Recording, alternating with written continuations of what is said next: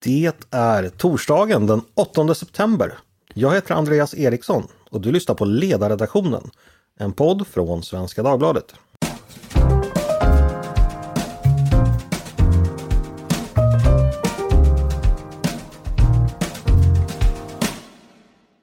Varmt välkomna till oss så här i valrörelsens sista skälvande dagar. Avgörandets stund närmar sig med stormsteg och snart, snart, snart har vi ett resultat. Vi ska som vanligt försöka guida er genom den senaste dygnets händelser och försöka skapa mening och peka ut riktning i samtidens kaotiska tumult. Med mig för att göra det idag har jag två av ledarsidans finest, nämligen Mattias Svensson och Tove Livendal. Varmt välkomna båda två! Tack! Tack så mycket! Och jag tror knappast det tarvar någon eh, större introduktion. Jag tror lyssnarna vet mycket väl vilka ni är. Men jag ska bara fråga, mår ni bra? Ja tack, mycket bra. Efter omständigheterna. Efter, så, så gott, man, gott man nu kan må tre dagar före ett riksdagsval när man jobbar på en, på en ledarsida. Hörni, vi ska gå rakt på vårt första ämne. Eh, gårdagens tv-duell mellan statsministerkandidaterna eh, Ulf Kristersson och Magdalena Andersson. Eh, I 90 minuter stod det mot varandra igår. Eh, direktsänt från Uppsala. Mattias, såg du detta? Eh, ja, det gjorde jag. Lite i efterhand. Ja. Såg du det med, med nöje eller förfäran? Ja, det ingår väl i jobbet. Men, eh, men lite kul bara ändå. Mm. Och den första frågan eh, man ställer. Eh, vann? Vem vann? Eller vann någon? Eh, trilla inte av stolen nu, men kandidaten jag höll på tyckte jag vann. Ja, och vem var det då? Ja, ja eh, om, om du behöver säga Ulf. Ja, Eh, och på varför gjorde han det? Hur, hur, vet man att någon har vunnit så att säga? Eh, nej, nej, det är ju en subjektiv bedömning, men, men jag tyckte att eh, den typ av frågor som kom upp med vad man kan göra åt eh, den organiserade brottsligheten, inte minst som, som hängde över mycket eh, en, energin med, med de policymisstag som finns eh, inom landet. Eh, de, de, de, de frågorna tycker jag gynnade mm. Ulf framför Magda. Det, var, det, är, det är svårt att ha, ha verkligheten och resultatet av åtta års regerande emot sig på, på den punkten.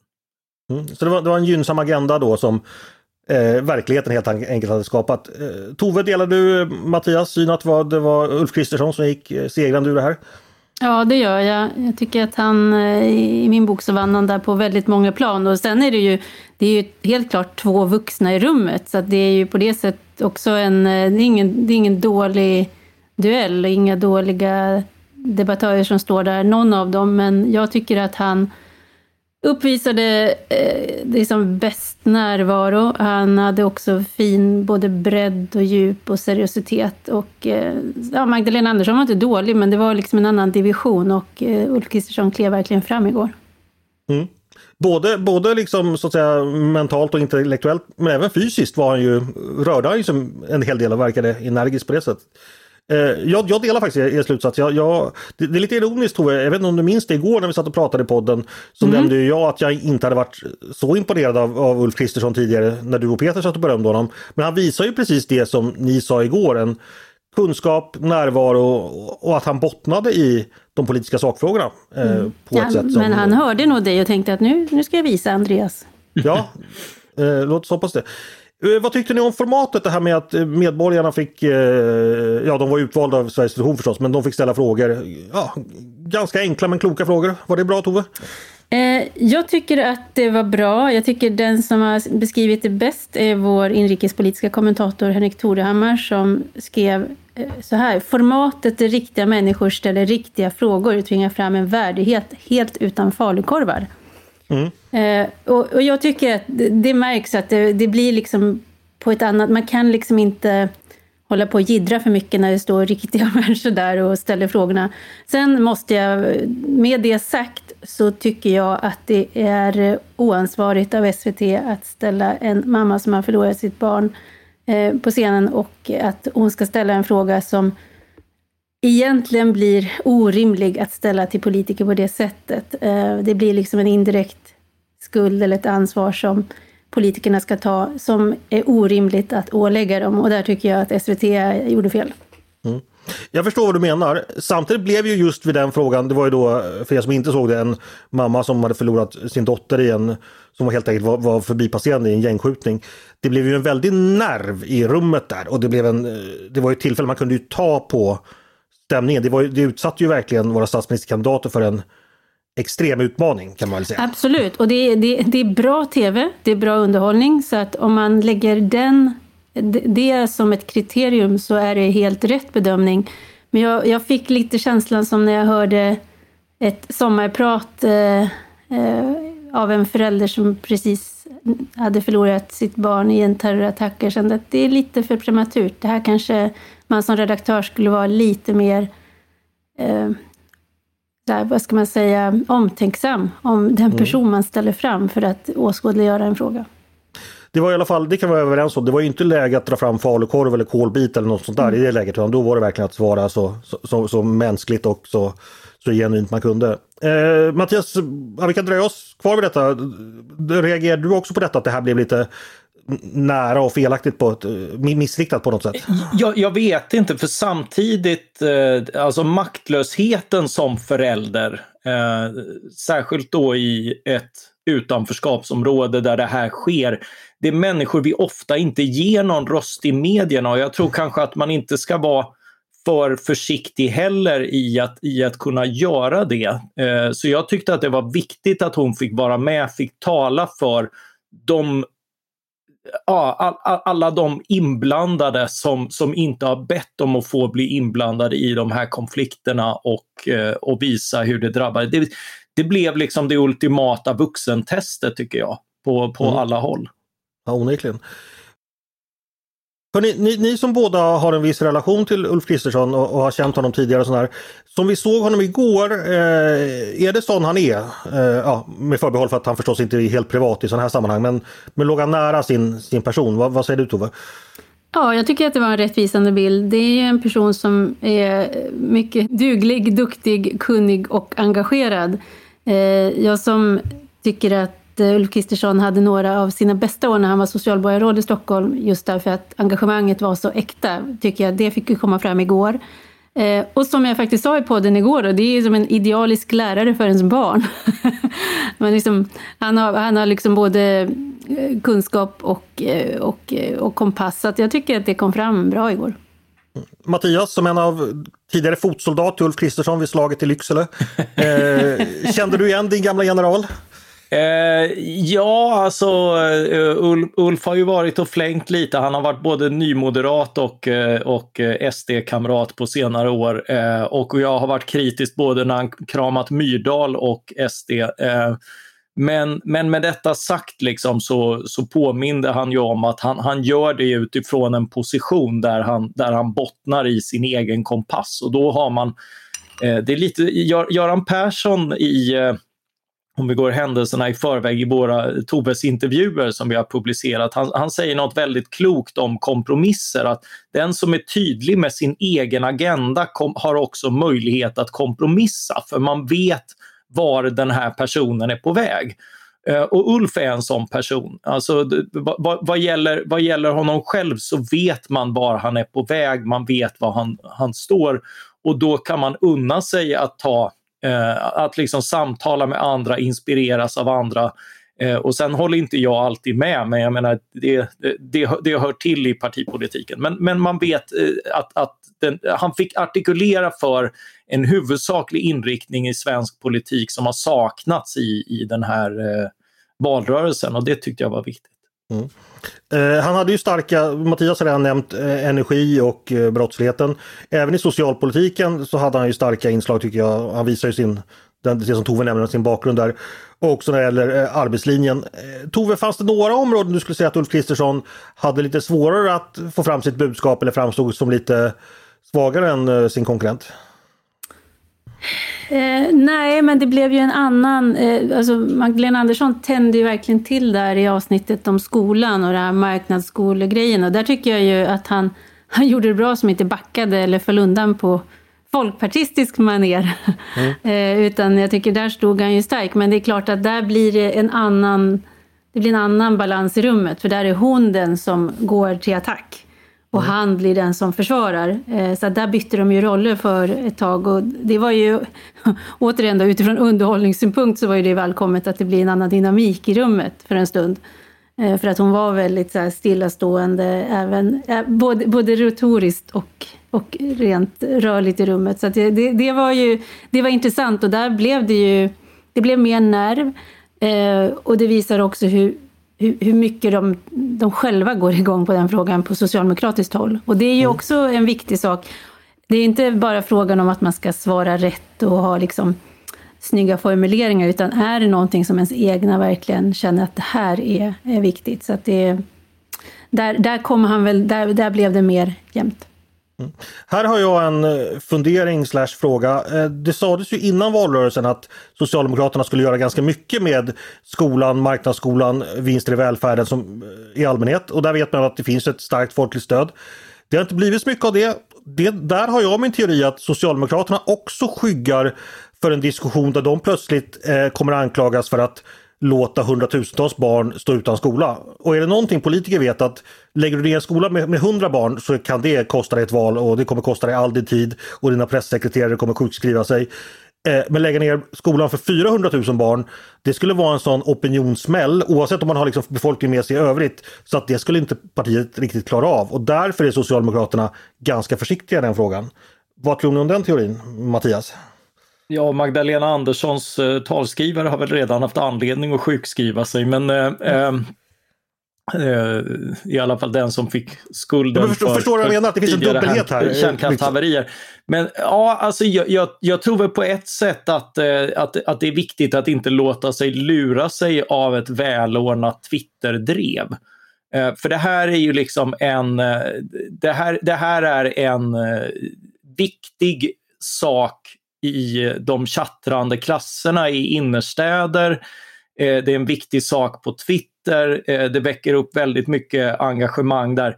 För där har man sett ganska kackiga friskolor och man har hört om dem och, och, och det talas om, man, man ser liksom exempel på betygsglidning och liknande eh, som, som är problem som behöver hanteras, inte minst för att liksom, det här motståndet finns på riktigt. Men jag menar, Ute i landet finns människor som har valt en friskola för att få någonting bättre och just fått någonting bättre också. Eh, de hörs inte lika mycket i den här innerstadsdebatten men, men de är definitivt eh, väljare och jag, jag, tror att det är där någonstans som eh, socialdemokratin har märkt att det här flyger kanske inte lika mycket utanför Stockholms innerstad. Mm. Men det låter, låter ungefär som det som jag tänker. Tove, vad säger du om skolan och vinster i välfärdens potential som valfråga för socialdemokratin?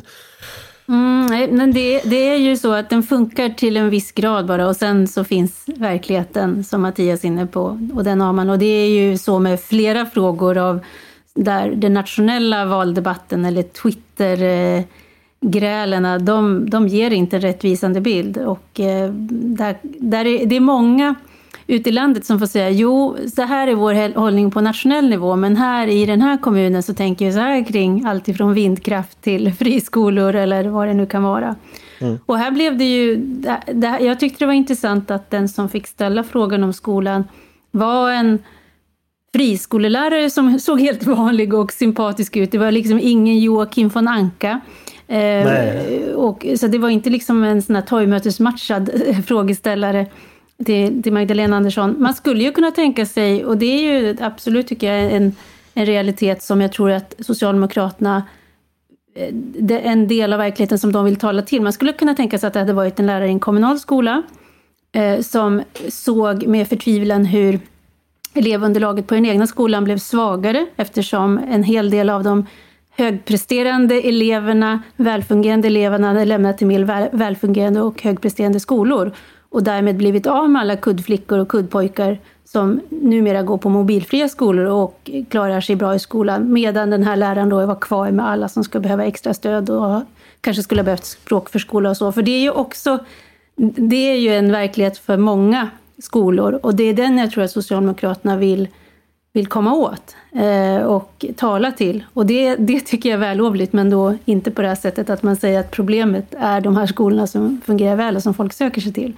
Mm. Att, men det var, jag tycker det var, det var uppfriskande att, det in, att eh, de här frågorna som kom inte var de eh, som man förväntar sig ska komma, utan det kom från andra håll.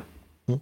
Det hade ju varit roligt ifall den där friskolläraren verkligen hade haft på sig cylinderhatt och, och frack och damasker. Och bara monokel! Här, ja, monokel. Och bara, det, på det min hade skola... varit roligt om man tjänade så bra på friskolor. Det hade jag varit ja, men så skulle han haft en karbass bakom ryggen eller så här att kommer jag inte få piska ungdomarna längre ifall... Det hade varit kul ifall vilken kupp om SSU hade smugit in en sån.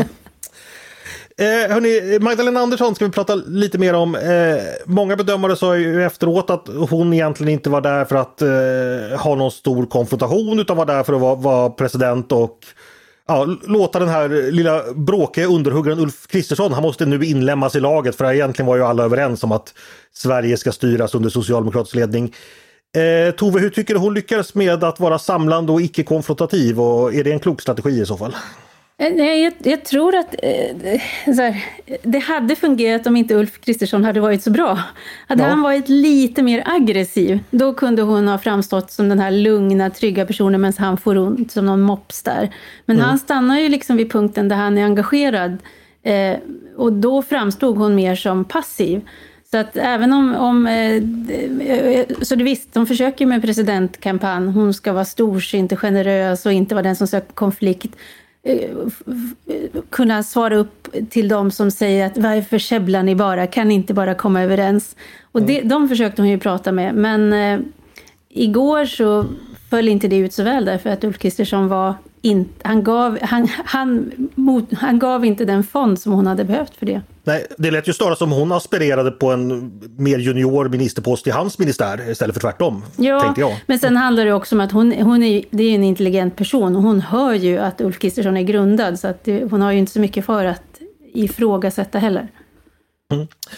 Eh, ja, Mattias, eh, har du några reflektioner kring, kring detta? Jo, Magdalena men det, Anderssons agerande? det är ju talande att du tar upp det för eh, eh alltså Magdalena Andersson håller ju med här på punkter som Moderaterna har drivit regeringen framför sig redan under den här regeringsperioden och som Magdalena Andersson vet att hon inte har gehör för bland sitt tänkta regeringsunderlag.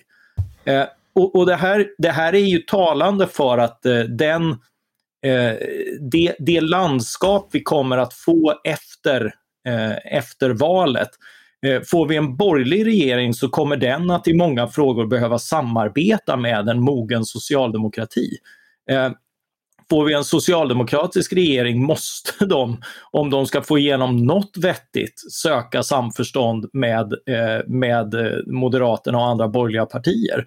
Eh, så, eh, så oavsett liksom vilket, eh, vilket eh, val man väljer, men, men, men sen, sen kan man få mer eller mindre. Men det är återigen, Ulf, Ulf visar ju på det sättet att det finns liksom ett, ett brett stöd för mycket av det han vill göra och, eh, och han vill kunna gå fram med det utan liksom de här reservationerna och eh, hämskorna som blir om man ska regera till exempel med Miljöpartiet. Mm. Hörrni, eh, ikväll är det ny tv-debatt. Då är det TV, TV4 som ansvarar. Eh, man sänder av o, någon outgrundlig anledning från Eskilstuna och samtliga partiledare deltar. Tove, kommer du bänka dig ikväll också? Eh, ja, möjligen. Jag kommer att sitta i bil så att vi får se hur uppkopplingen är. Mm -hmm, Okej. Okay. Mattias då, du, du är bänkad? Eh, jag får se, men, eh, men eh, det ingår förmodligen i mina åtaganden. Ja, det kan du ge dig fan på. Eh, fråga bara där, eh, har ni något tips om eh, tilltugg, mat eller dryck eller snacks eller något sånt där till, som passar till politiska helkvällar framför tvn? Tove, du är ju en menyvän. Ja, men jag säger extra allt. Extra eh, allt? Allting gott alldeles för mycket som Edvard Blom skulle ha sagt. Jag är ju inte så mycket för antingen eller utan jag gillar både och. Så jag skulle förorda ett dignande plockbord. Något annat duger mm. inte. Mattias, du då? Uh, ja, jag, jag, är ju sån här som äter upp allt godis som finns, men det tror jag redan jag har gjort. Så, uh, så, och, och jag försöker dessutom låta bli. Så jag har några knäckebrön från Konsum som är väldigt uh, bra snacks. Mm. De, de, är, de är salta och goda men inte jätteonyttiga. Annars hinner du ju köpa en påse ostkrokar, det vet du. Oh, ja. fy fan. jag hinner smälla i mig den första 15 minuterna också. Ja. Jag, jag, ska dock varna för excesser här. Själv tog jag med en, en gin och tonic faktiskt igår framför, framför tvn och det slutade med att jag stavade Magdalena Andersson fel två gånger på Twitter innan jag slutade twittra. Så Men det gjorde säkert finger. debatten bättre. ja, faktiskt. Ja, ja, det kanske det gjorde faktiskt. Eh, jag drack varenda gång någon sa... Nej, strunt samma. Jag tänkte göra ett drinking game, men sånt är farligt. Varje gång eh, Magdalena Andersson sa jag håller med Ulf Kristersson, då drack jag och då slutade det som det, som det gjorde. Eh, en annan fråga, eh, delvis förknippat med det här, Tove har redan varit inne på det här, men med rekvisita, sånt förekommer ju i debatter ibland. Eh, det brukar ju väcka både glädje och bestörtning, vi minns alla kolbiten. I år har falukorven gjort entré. entré. Eh, Tove, du är bekant med den. Mattias, vad tycker du om den? Eh, och här, nu har jag mitt manus här understruket, se till att Mattias inte skämtar här. Ja, ja, nej, det är förstås ingenting att skämta om. Den, den filmiskt bevandrade vet förstås att det kan till, tillgodose mycket, mycket hunger, eh, men för det mesta så äter man det ju. Men, ja, men, eh, men, poängen är, är det här bara tramsigt eller är det någonting som politiker kan kommunicera något vettigt med? Det är klart man kan kommunicera något vettigt. Jag menar, och, och, och, det är ju det vi minns. Vi minns fortfarande att Gustav Fridolin eh, viftade med en kolbit och att Vattenfall eh, inte skulle äga kol. Eh, och sen minns kanske färre att det gjorde de ändå. Eh, och sen sålde de det vidare så att nu äger tjeckerna det och eldar med det istället. Eh, men eh, så på och det, rent kommunikativt funkar det alltså? Eh, ja, ja, ja, men det, det, det gör det ju liksom. Men det blir ju samtidigt också, det blir ju en sån här snackis och snackisar blir rätt pajiga. Alltså, eh, det blir ofta, ofta är det ju händelsen i sig som när, när Fi brände pengar. Alla vet att de gjorde det men få har koll på varför. Mm. Tove, är du bekant med, med en, en figur som heter Magda Märta Löfostar? Nej, det är jag inte. Eh, det är alltså då ett, jag har hämtat detta från Ebba Busch eh, Instagram. Det är ett mjukisdjur, alltså en, en gris. Eh, som hon, Ebba Busch tydligen brukar visa upp på sina valmöten. Och det ska då symbolisera alternativet till vänster. Inte att de är svinaktiga utan att de är en gris i en säck, närmare bestämt. Eh, är det roligt? Jag säger som Göran Persson, det uttrycket tar jag inte i min mun, inte ens i den här podden. Okej, eh, kanske ingenting som går hem. Eh, då ska vi gå vidare och då ska vi passa på att presentera en liten nyhet på vår sida. Tove, om jag säger i högermarginalen, vad säger du då? Äntligen, säger jag då. Ja, berätta. ja, eh, vi lanserar, idag berättar vi om att vi eh, kommer att köra en ny gammal vignett med start på söndag och det är ju då just namnet i högermarginalen som faktiskt var namnet på Fredrik Johanssons blogg, men han skriver ju numera kröniker och, eh, i, i, i långformat och bloggar inte. Eh, och sen har vi dessutom hittat en sån här typografisk illustration, ett utropstecken som man använder just i marginalanteckningarna för det riktigt viktiga. Och det utropstecknet återuppstår eh, från ledarsidan på 90-talet under Håkan Hagvall. Mm. Så att vi håller, ägnar oss åt återbruk och det gäller ju då också med skribenterna som är kända för ledarsidan. Så det är dels eh, Susanna Popova som ju har varit kolumnist fram till eh, i somras och sen så är det Per Gudmundsson som är gammal ledarskribent som återvänder till spalterna. Mm. Och vad hoppas du att eh, dessa båda skribenter ska kunna erbjuda med det här formatet? Ja, här kanske vi ska avslöja Andreas att, att det är både du och jag som hoppas, för du har ju faktiskt varit med och arbetat fram det här formatet också. Och där har vi ju tittat på att vi vår, den opinionsjournalistik som vi ägnar oss åt, den är ju väldigt mycket dag för dag. Eh, och eh, ibland så behöver vi ha förmågan att titta lite snett utifrån på det som sker. Eh, det kan vara så att man är så upptagen med, med att liksom, ha ögonen på den boll som rör sig, att man missar det intressanta vid sidlinjen. Så att eh, det är tanken att de ska kunna bidra med. Så varje söndag kommer de, de kommer turas om då, varannan söndag att skriva. Mm. Och vi hoppas ju att de kommer skriva saker så som, eh, ja ni vet jag har funnit ett i sanning underbart bevis för detta men tyvärr är marginalen för kort för att eh, skriva ner det som den stora matematikern eh, Fermat, eller Fermat, jag vet inte hur han uttalas, skrev. Eh, men jag hoppas då att marginalen räcker för att de ska kunna skriva allting. Eh, jättekul tycker vi det här förstås att Per och eh, Susanna kommer in på det här sättet. Eh, när vi ändå är inne på sidan så ska vi då, ja Mattias har redan varit inne på det. Eh, Tove du har ju gjort två riktigt seniora intervjuer eh, som har publicerats där. Eh, du har träffat tvenne före detta statsministrar som rattade Sverige under en dynamisk och omtumlande tid på 90-talet och därefter. Eh, nämligen Carl Bildt och eh, Göran Persson. Eh, de här intervjuerna kan man både läsa på sidan och lyssna på i sin helhet i podden. Eh, Tove, varför ville du intervjua dessa två föredettingar? Därför att människor som har kunskap och erfarenhet och större delen av sin karriär bakom sig kan, om man har tur, vara riktiga guldgruvor. Det beror på mm. hur stora de är som personer. Eh, alltså, om man, graden av prestige och generositet och reglaget däremellan. Men de här jag har båda varit beredda att dela med sig och jag tycker att det ger perspektiv framför allt och insikter som Apropå det där med, med marginalen, att man, det kanske inte kommer fram i det dagliga, men när vi satt och funderade på vad vi kunde tillföra till den här valrörelsen, så förutom då de här manifesten som har varit väldigt uppskattade, eh, våra personliga valmanifest, så var det här ju också ett sätt att addera perspektiven eh, till en debatt som ofta blir väldigt liten och snäv.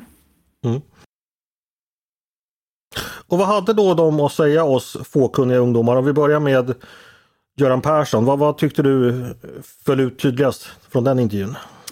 Nej, men, dels så tycker jag ju att han kommer till sin fördel. Det är ju en person som har eh, haft rykte om sig att liksom, kunna vara ganska bufflig och, och så.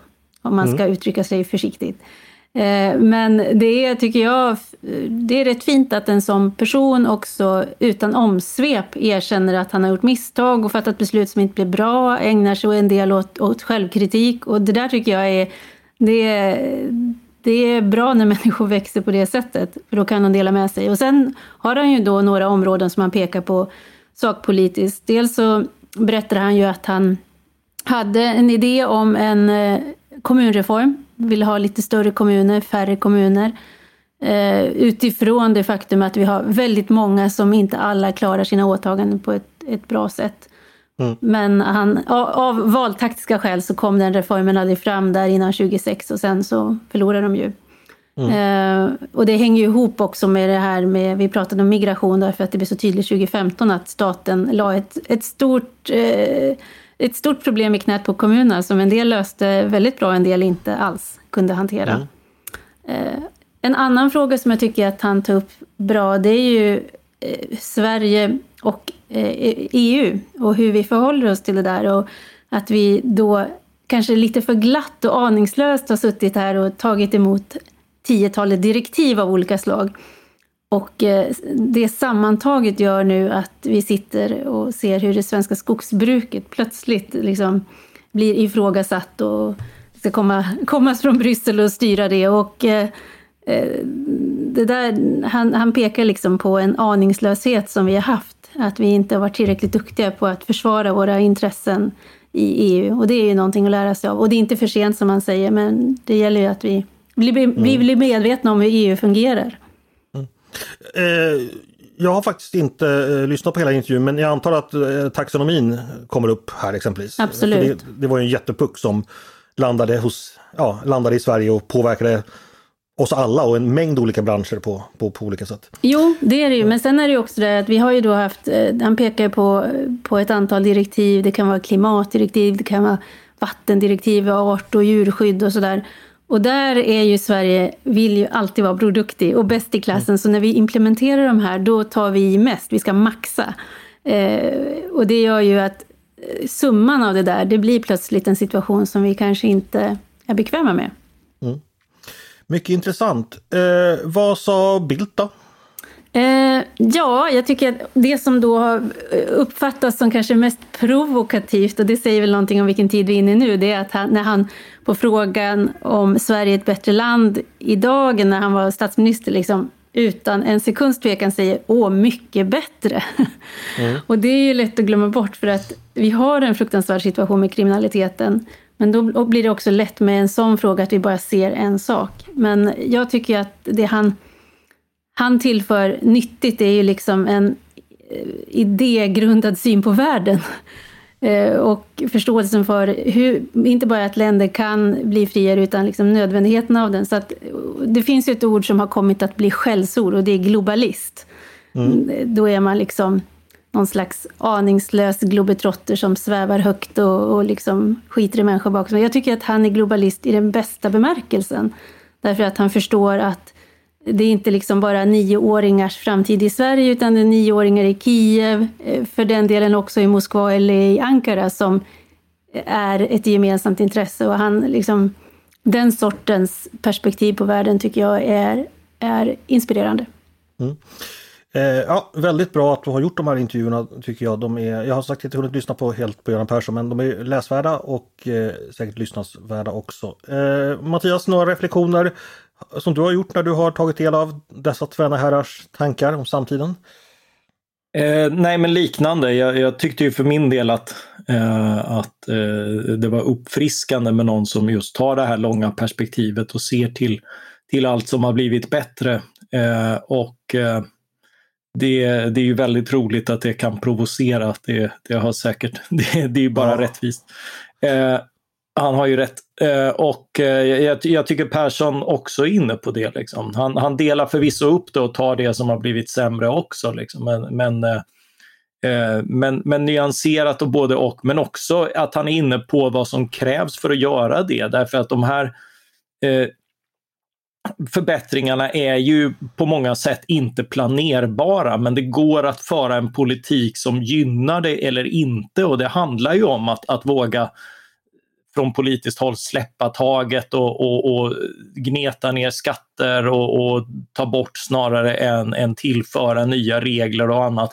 Och då kan man få sånt som svenskt IT-under och, och annat som har ju liksom berikat oss i många, många decennier efter att besluten fattades och sen har det inte hänt så mycket mer. Så Carl Bildt var ju också med under den period som la grunden för mycket av den goda utvecklingen och illustrerar också att det var länge sedan vi hade den typen av regering. Regeringen Reinfeldt sänkte skatter men de var usla på, på ordentliga reformer. De, de flyttade runt pengar inom inom biståndspolitik och annat, men, men det var väldigt lite av eh, av, av, handfasta liberaliseringar av exempelvis arbetsmarknad och eh, hyresmarknad och eh, Eh, allmän konkurrenskraft och, och eh, handel i världen och den, den typen av, av, liberaliseringar vi, vi skulle behöva för att kunna se fram emot en bättre framtid. Mm. Jag känner verkligen igen det där med att man, eh, det här med om man är minst optimistisk då, då åker man på smäll. Jag skrev ju mitt valmanifest om att vi lever i en så fantastisk tid och möttes av rätt mycket sura miner. Jag tror det finns en kunskapslucka här, alltså folk har helt enkelt inte koll på hur graferna ser ut. Det finns liksom en extrem, framförallt inom Sverigedemokraterna och vänstern eh, så är man ju överens om att Sverige blev bra, var bra fram till slutet av 1900-talet. Sen dess har det gått ner. Men det finns ju inte en siffra på social och ekonomisk eller kulturell utveckling som inte pekar uppåt jämfört med alltså under den här generationen, den tid vi har växt upp. Eh, och det verkar, ja, med undantag kanske för brottsligheten när det gäller liksom dödsskjutningar såklart. Men det är ju, de märker vi av för att de sticker av mot en annan väldigt positiv utveckling. Eh, så ibland vill jag liksom sätta hela SD-vänstern framför skolbänken och bara ägna mig åt grafer i 48 timmar framåt. Men, men jag tror inte de kommer dyka men, upp. Men det är, inte, det, är det inte det man har gjort vid lite fel tillfällen? Jag, jag, eh, när jag, eh, en liten, jag jobbade på posten Mm. Uh, och vårt postkontor uh, hade då liksom uppgivit i någon sån här medarbetarenkät så kom det fram att vi var inte så nöjda. Uh, och reaktionen från huvudledningen var att vi ordnar ett möte och dit till det mötet så kommer ledningen och talar om för oss att vi har det fan bra. och hörs sen. Okay. Jag eh, fattar din poäng Mattias. Ja, ja, jo men alltså så har det ju använts. Folk har bara, men kommer inte lite många nu här på min bygd? Eller nu är vi rånade för tredje gången. Eller nu, nu, eh, nu vågar Nisse inte gå hem från skolan, så var det inte när jag var ung. Eh, och, och då kommer någon, ja men eh, vi är i genomsnitt mycket rikare än förut. Ja Mattias, jag håller helt och hållet med. Jag, jag kommer absolut inte argumentera för att dödsskjutningar inte är något problem för att fickstölder och checkbedrägerier har minskat. Men jag menar ändå liksom att kunskapen om liksom den ekonomiska, bara att veta hur disponibel inkomst för hushållen har utvecklats bara sedan år 2000, som mm. inte är så jäkla långt bort. Det är ju liksom när Expedition Robin som var populärt i Sverige, eh, de flesta av oss minns det, har ju varit enorm. Liksom. Ja. Och det, ja, jag tror vi är överens om det här Mattias. Ja, ja vi, är, vi är helt överens. Jag ville bara, ja. alltså, det, det, har ju använts lite autistiskt från, från eh, liksom frihetshåll. Eh, förlåt, Definitivt. nu, nu trampade jag på ännu en tå i den känsliga samtiden. Men okänsligt ja. utan, utan hänsyn till eh, vad mottagaren har. Och det är ju en, en grundläggande poäng att framsteg för ett samhälle, de kräver att alla, eller de flesta, känner att de är med. Det har alltid varit från Adam Smith, folkens välstånd och sånt Det är en, en innovationsprocess som kommer underifrån som man känner. Och jag tror att många inför framstegen har känt att, att det här är något som några sysslar med och som ska tryckas på oss och som kanske inte nödvändigtvis gör min vardag bättre. De är inne lite grann på det med AI och sånt där. Att, eh, ja, men om mitt jobb ryker. Och, och mm. tryggheten mm. ligger ju inte i att ha kvar samma jobb hela mm. livet utan tryggheten ligger ju i att en ekonomi är tillräckligt dynamisk för att man ska kunna byta jobb ett par gånger under, under livet eh, och att eh, det händer tillräckligt mycket annat så att det blir liksom vinster för alla. Så, så den här rädslan för dynamiken förstår jag dyker upp men problemet är ju inte att, att vi lever i en så enormt dynamisk ekonomi utan att det tvärtom avstannar på många områden. Så är det. Så är det. Hörrni, vi måste ju ändå... Ska vi inte prata om eh, den här riktigt prestigefulla frågan som ändå kom upp under intervjuerna med Bildt och Persson, nämligen att de fick välja vilken av våra valmanifestaffischer de tyckte var bäst. Absolut Tove, bra att du håller ordning på oss. Eh, du tog orden i min mun. Eh, ja, vilka var det som, som vann i statsministrarnas ögon? Ja, men det var ju... var inte blygsam Andreas. Jag sitter ju här med vinnarna. Det var ju så att eh, Carl Bildt valde ju Mattias budskap om frihet helt enkelt. Och ja, Göran jag vill ju trots allt eh, lyfta fram Karls omdöme i sammanhanget. Och Göran Persson, han valde ju Andreas Erikssons En härlig tid. Mm.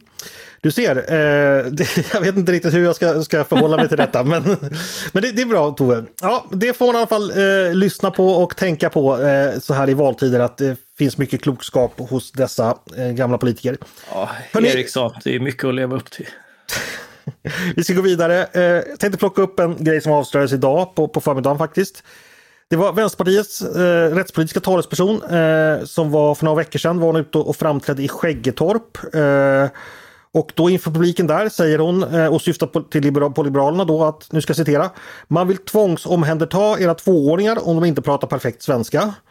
Och då ska man veta då att Skäggetorp det är ett sånt här, eh, det är en förort eller område i närheten av, i, eller i Linköping som är särskilt utsatt och det är inför en publik då som, ja där tvååringarna kanske inte pratar perfekt eh, svenska alla gånger. Eh, och det här är ju förstås väldigt, väldigt knepigt men Mattias, hur, hur illa är det tycker du att man pratar så här om andras förslag och missleder väljarna?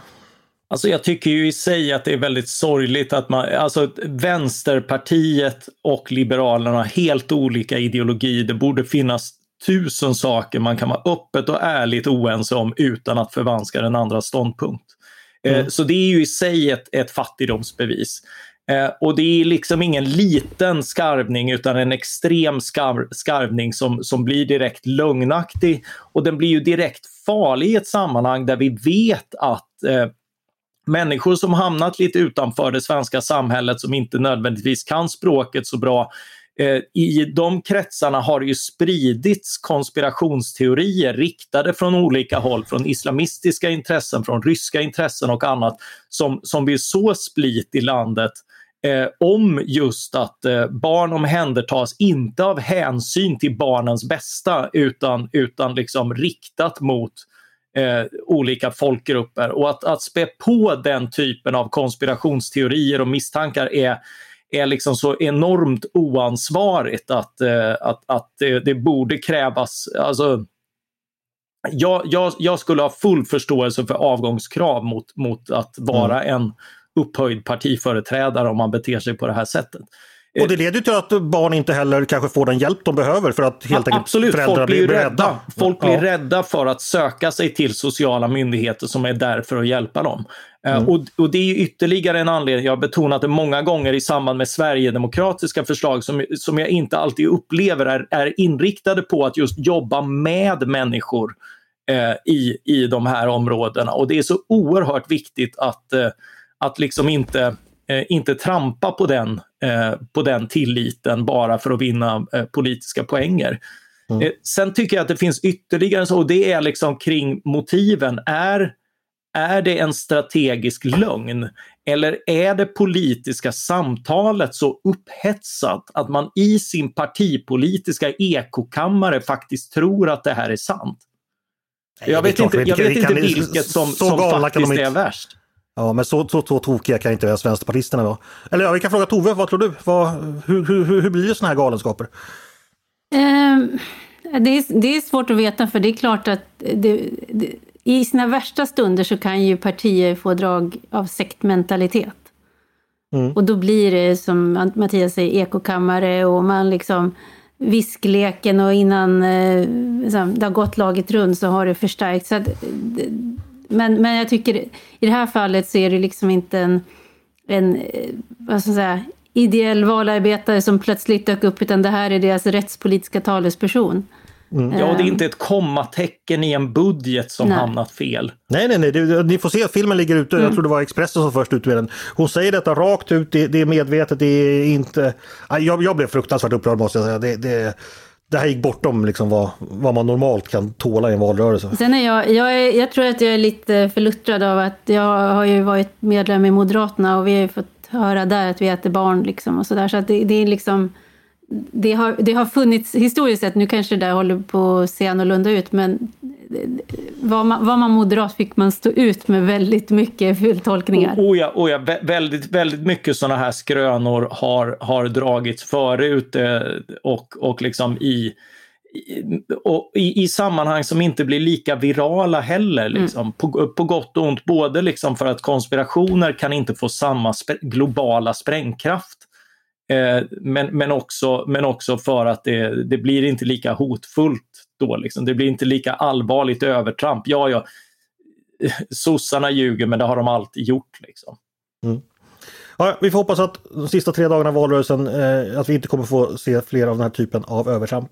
Hörrni, eh, dags att runda av. Jag tänkte avsluta bara med att fråga hur eh, laddar ni här inför eh, söndagen? Vad, hur, vad kommer ni ägna de två sista dagarna åt, eh, Tove? Ja, jag gick ju faktiskt och röstade igår så att, och, för, och har jobbat på här nu och sådär och förproducerat lite. Så jag ska faktiskt ägna ett par dagar åt att gå på fjället och andas frisk luft, få perspektiv och lite skönverk i låren. Och så kommer jag hem Ja. lagom till valen kommer och det ska börja kommenteras, skrivas och förhoppningsvis följas hur en moderatledd regering kan börja arbetet med att få Sverige på någon annan väg. Mm. Du drar till fjälls. Eh, Mattias, du då? Hur laddar du? Eh, jag drar till Norrköping eh, Jaså? Av alla ställen. för tjuven. Ja. ja men det är väl inte, det är inte så illa. Eh, kommer vi höra någonting från dig eller kommer vi säga från Peking hörs det inget? Eh, nja, därifrån eh, hörs det väl inte så mycket. Och, eh, men, men sen kommer jag tillbaka på, eh, på valdagen. Eh, och eh, röstar i vanlig ordning på valdagen. Eh, jag, jag har väl nästan bestämt mig för vad jag ska rösta på. Ja, men vad bra. Då jag, jag skickar över några liberala partiarbetare ikväll och be, bearbetar. Och Nej. rådbråka. med. Det, det blir nog inte samma, samma intensiva övertalningsförsök som när jag, när jag eh, proteströstade på Miljöpartiet. Jag själv ska försöka sätta mig in, jag har flyttat till en ny kommun som förra valet så jag ska försöka sätta mig in i kommunpolitiken lite bättre. Så det får jag nog ägna kanske ikväll åt, eller imorgon kväll. Hörni, vad trevligt att ni kom till mig idag och pratade. Eh, tack så mycket Tove Livendal och Mattias Svensson. Tack Ett nöje. så mycket. Ja, det är ett sant nöje att ha er här och det är ett sant nöje att ni lyssnar, ni som lyssnar på Ledarredaktionen, en podd från Svenska Dagbladet. Ni är varmt välkomna att höra av er till redaktionen med synpunkter på det vi har precis diskuterat eller om ni har förslag på saker vi borde ta upp i framtiden. Snart är ju valet över, vardagen återkommer och det finns massor med saker att prata om. Så det är bara att höra av sig eh, med tips och förslag på ledarsidan snabel svd.se. Dagens producent, han heter Jesper Sandström. Jag heter Andreas Eriksson och jag hoppas att vi hörs igen snart.